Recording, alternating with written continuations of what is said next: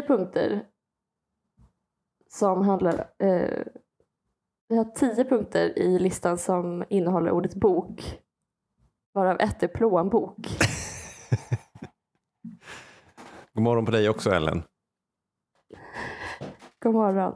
Är du besviken för att, Det- att, för att kapitalet letat sig in så hårt? Ja, Det är verkligen, läsningen är verkligen på nedgång. Men du tror inte att du har skrivit så här, jag vet inte, god litteratur Ja, precis. Istället för bok. Jag, istället för bok? jag, eh, precis. Det är inte mediet som är viktigt utan det är Det här är ju ganska kul, det här är ju ganska kul eh, egentligen det här med, med eh, att du skulle ha skrivit god litteratur. Att jag har kvar den fördomen. Att eftersom du är intresserad av litteratur mm. så skulle du använda ett liksom tillgjort språk och säga ett ord som litteratur när du pratar om en bok. Eh, Ja, För jag tänker att den fördomen har vi pratat om tidigare, att man har den om klassisk litteratur. Att, det, att den skulle vara skriven med ord så som litteratur.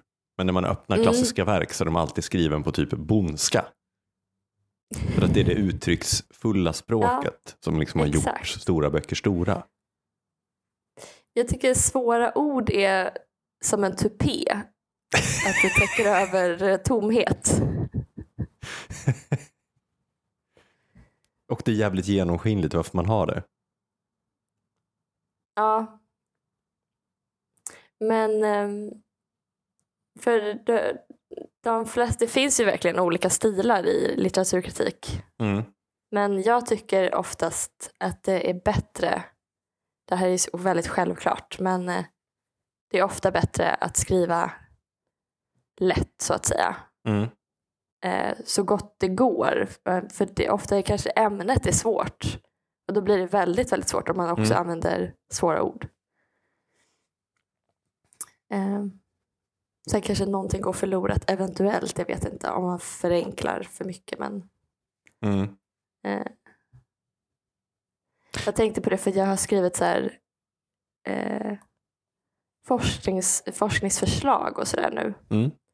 Eh, och, eh, och då um, när folk har hjälpt mig läsa det så, där, så brukar de eh, ja, men, att det blir ju att så här, texten utvecklas hela tiden Mm. mm, medan folk läser den och hjälper till. Liksom. Eh, men att, att nu är det väldigt, väldigt enkelt eh, och liksom vad ska man säga? Nej, men jag tror att istället för att skriva om eh, hur en petrarkisk sonett hakas på en eh, engelsk sonett och vrids runt sin egen axel eh, liksom i en dikt så här så, så finns det massa ämnen, alltså det här är inte riktigt samma sak som att skriva ett, enk- ett enkelt språk, men Mm. det finns en massa ämnen i säkert, i bland annat litteraturvetenskap, men säkert Mm. alla ämnen, Mm. där det finns väldigt stora frågor som fortfarande är obesvarade. Mm. Eh, Så att egentligen så skulle man kunna, alltså det finns ingen mening med att riktigt att skriva eh, om något väldigt, väldigt smalt. För att så här, men vi vet fortfarande inte vilket samhälle som ger bäst litteratur till exempel. Mm. Eh, alltså, eller eh, vi vet inte om det är form eller innehåll som är viktigast. Mm. eller liksom, eh, vi vet inte hur översättning fungerar. Hur kan det funka? Det är jättekonstigt, men det gör det i alla fall. Det, ehm, det är ganska kul att så här, man kan fortfarande skriva om så kallat enkla, stora ämnen. Liksom. Mm. Men, eh, varför finns fattigdom? Det kanske är något annat ämne. Eller varför... Det är lite sådär i, efter andra världskriget så pratade, tror kanske Paul Celan eller så, det fanns en, en, liksom, en stämning i samhället som var så här, hur ska vi kunna göra någonting? Hur ska vi kunna säga någonting eh, efter förintelsen? Mm. Ja, men då tänker jag dels att så här, allting måste behandla förintelsen. Alltså man måste förhålla sig till förintelsen. Och sen är det också bara så här, allting, allt som vi har sagt har varit fel typ, uppenbarligen. För att för, annars hade inte förintelsen hänt. Mm. Ja, men det blir bara så en enorm kris liksom. I Mm. en, som en kollektiv skapande kris. Där man bara, för det första, ska jag sitta här och skriva dikter? Det verkar helt eh, sinnessjukt. Eh, och för det andra, allt eh, liksom allt som vi trodde att vi visste visade sig inte stämma. Typ. Så allting måste omvärderas. Liksom. Jo men det, det är jätteintressant. Um, alltså hur man kan uttrycka sig efter en sån, första, hur man kan uttrycka sig. Alltså hur kan vi, för att citera en känd samtalsextremist, Ja. eh, vad, vad leder tankeprocesser och liksom ett chatter, samhällets chatter till? Mm. Ehm, för någonstans är det väl lite som att man väntar på, jag tänker typ nu så här några år efter förintelsen, eller ganska Mm. många år efter förintelsen. Ehm, och vi liksom i, i Sverige har haft så här, om detta må ni berätta och Forum för levande historia och liksom att man har försökt få in den få in det i vårt kollektiva medvetande så ser man väl en, en ökning av att den, alltså tron på att förintelsen har skett och att den har skett så som den har beskrivits, att den, att den går ner eh, i vissa åldersgrupper. Att man Mm. oroar sig för att ja, men då, då, då betyder det att vi kan få en ny liksom, förintelse. Eh, men det har ju också gjort att man, man eh, det finns en annan diskussion också kring ifall vi har liksom tryckt på mycket, för mycket på att det är just förintelsen vi ska vara rädda för, alltså att det ska vara just hakkors och nazister. Alltså Mm. nu ska vi vara rädda för hakkors och nazister. Mm. Men att, att liksom om det inte kommer en liten arg man med en fyrkantig mustasch så är vi liksom good to go. Ja. Eh, Medan det egentligen är en flytande skala, ett, en förskjutning av språket, en förskjutning av lagar och vad som uppfattas Mm. som normalt. Liksom. Mm. Eh, jag tänker på det nu när, när eh, jag vet inte hur mycket du har hängt med i BBC-skandalen. Nej. Eh, De har ju en jättepopulär fotbollskommentator, Gary Lineker, Mm. som la upp en tweet eh, med en, en av deras, eh, en politiker från Torypartiet som var ute och pratade om en ny eh, lag tror jag det var. Eller ute och liksom pratade om att så här, vi tar emot jätte, jättemycket invandrare i Storbritannien, nu, nu räcker det, nu ska vi inte göra det längre i princip. Eh, vi, vi ska ta emot färre Mm. invandrare. Eh, Det här blir ett jävla vissningslek. Gå till källan om ni är superintresserade på att få det här återgett på ett korrekt vis. Inte bara mina Mm. åsikter om debatten om åsikter kring den här åsikten. Eh, Men då stängdes han av i alla fall från BBC för att han la upp den här tweeten där han sa att så här, det här är basically 30-talet igen. Mm. Eh, Man får inte prata så här om människor. Eh, Och då stängdes han av för att som BBC-anställd så får du inte göra politiska uttalanden. Eh, Och nu är det liksom total nu är det uppror för att alla hans kollegor eh, gick ut i protest och många andra gått ut i protest och folk har varit ute och vevat och sagt att liksom så jävla politiskt var det inte för att den här personen sa vidriga grejer. Ja, Om någon säger, precis. kommer och det är säger inte att det- en åsikt. Eller liksom, det är inte så här eh, att man ska vara oberoende, förhålla sig oberoende till nazism. Kanske. Li- lite så, alltså liksom att, att det Ja men de personen hade ju inte en liten fyrkantig mustasch när de sa att Mm. bruna människor är lite sämre än inte bruna människor. Mm. Mm. Eh, Så då kan det inte vara nazism. Alltså jag, jag kan för lite om det här aktuella fallet. Jag, jag, jag, tycker det låter, baserat på det, de poddar jag har hört om det och det jag läst om det, så tycker jag det låter som en Mm. jävla felbedömning från BBCs hemsida. Också att Mm. ge sig på någon som pratar om fotboll i Storbritannien. Bara, gör inte det. Det blir jättejobbigt för alla inblandade. Ja. Ehm, men eftersom det då inte var, alltså, var en person i eh, brun uniform så kan det liksom inte vara nazism. Nej. Så kan det inte vara vidare åsikter. Liksom. Ja, men i den här podden är vi var, vare sig oberoende eller samtalsextremister. Vi är motsatsen till samtalsextremister. Vi har valt att begränsa samtalet till två personer. Kim Eklöf och Ellen Theander. Som tycker lika, nästan exakt likadant faktiskt. Skulle kunna vara en person. Ehm, Eh, och podden heter Tusen saker.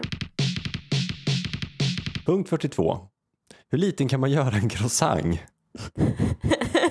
Alltså typ pressa ihop den som hy- hydraulic press channel.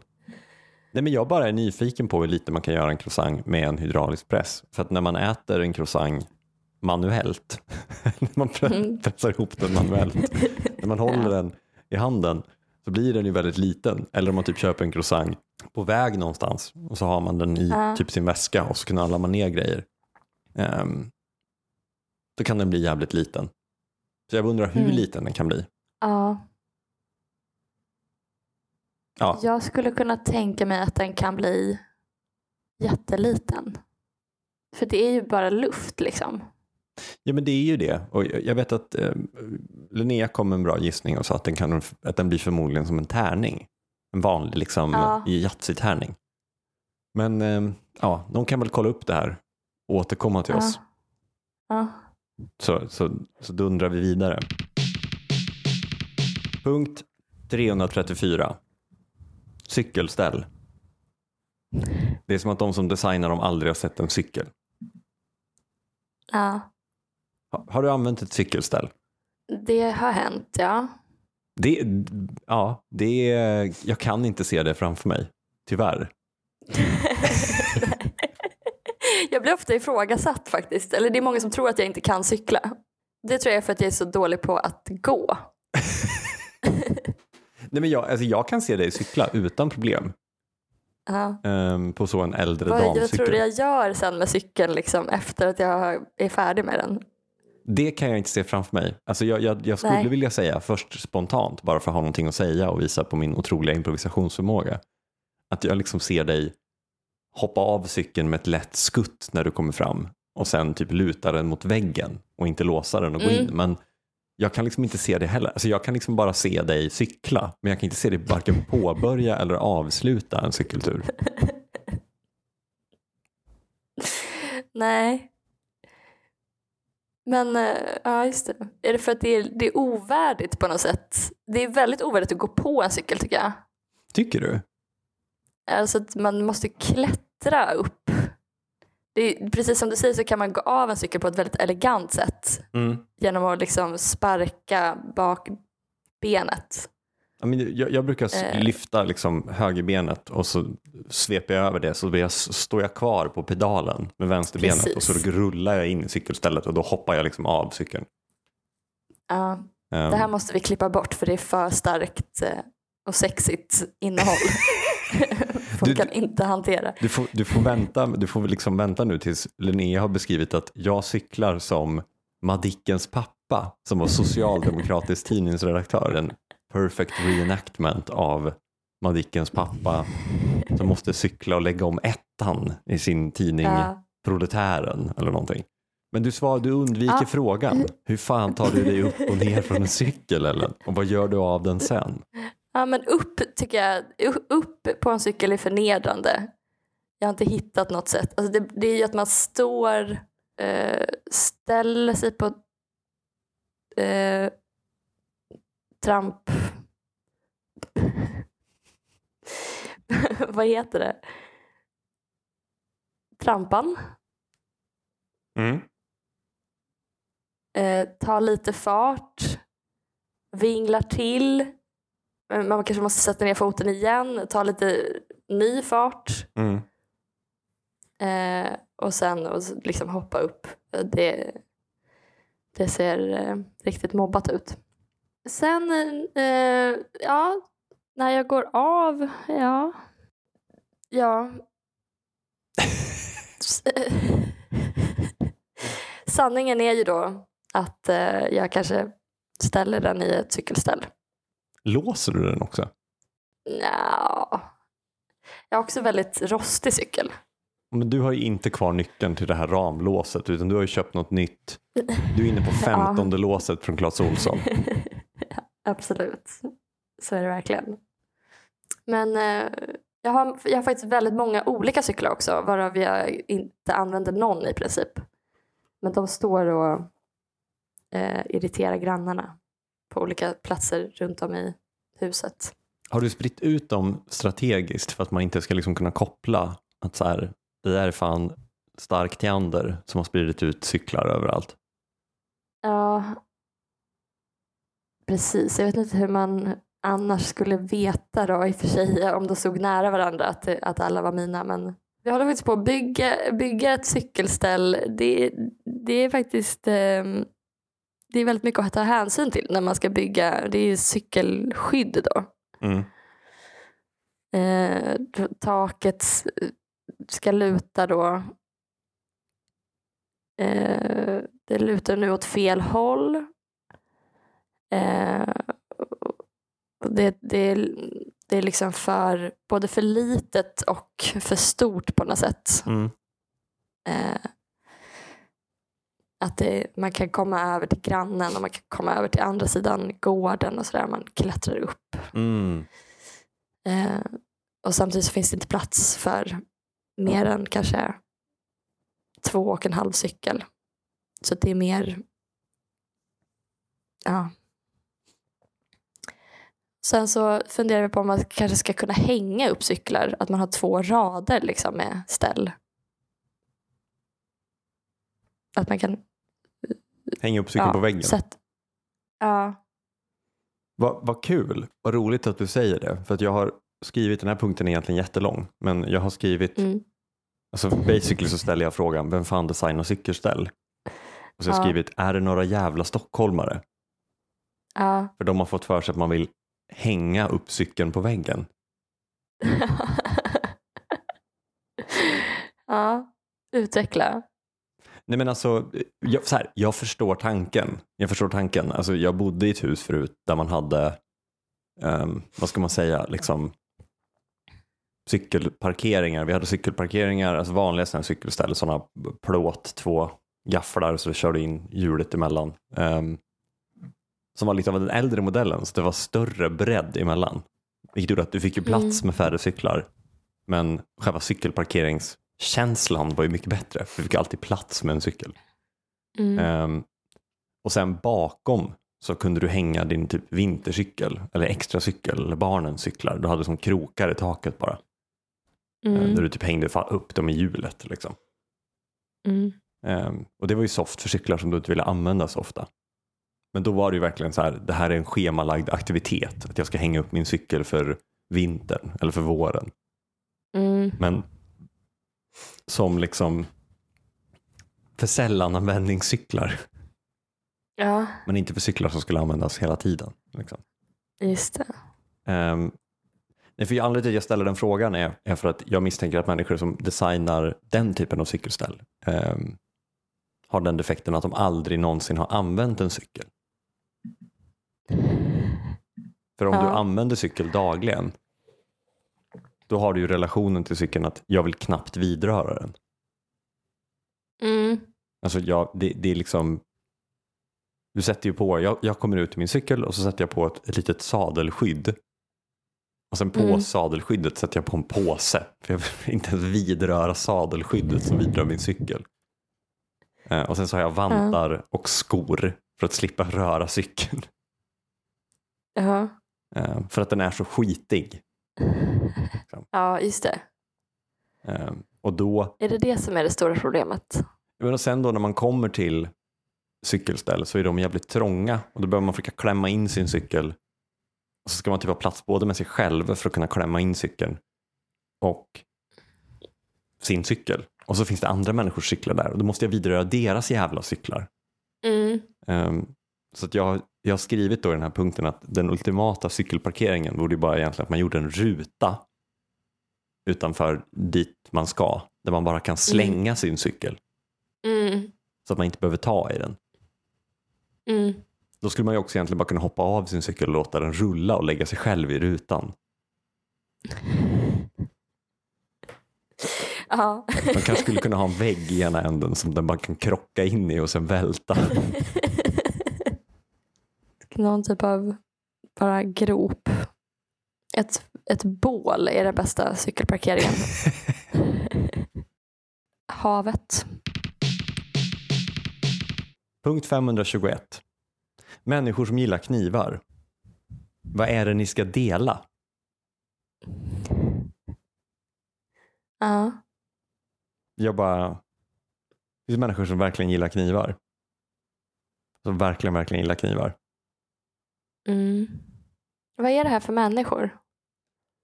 Killar. men, men jag bara undrar. Vad är, det, vad är det ni ska dela? Alltså vad, vad, ska ni, vad ska ni kniva för något? Borde jag vara orolig? Ja. Är det jag? ja. Kan du ge något slags um, personporträtt av den här knivintresserade, av den knivintresserade killen?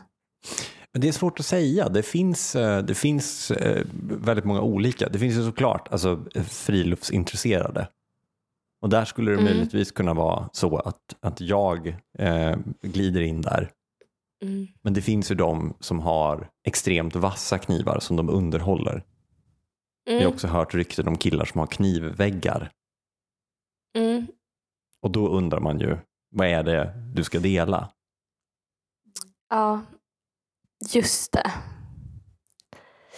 Så där var mitt ex jättemycket. Att det var en heltidssysselsättning för honom att eh, underhålla sina knivar. Mm. Eh, och han skickade dem så här knivbrev. Mm. Eh, att han liksom skickade iväg dem på professionell slipning. Han var aldrig nöjd. Liksom. Mm. Han slipade och slipade men till- till slut han bara nej, det måste, jag måste anlita ett proffs Var det någon kniv som kan kvar? slipa den.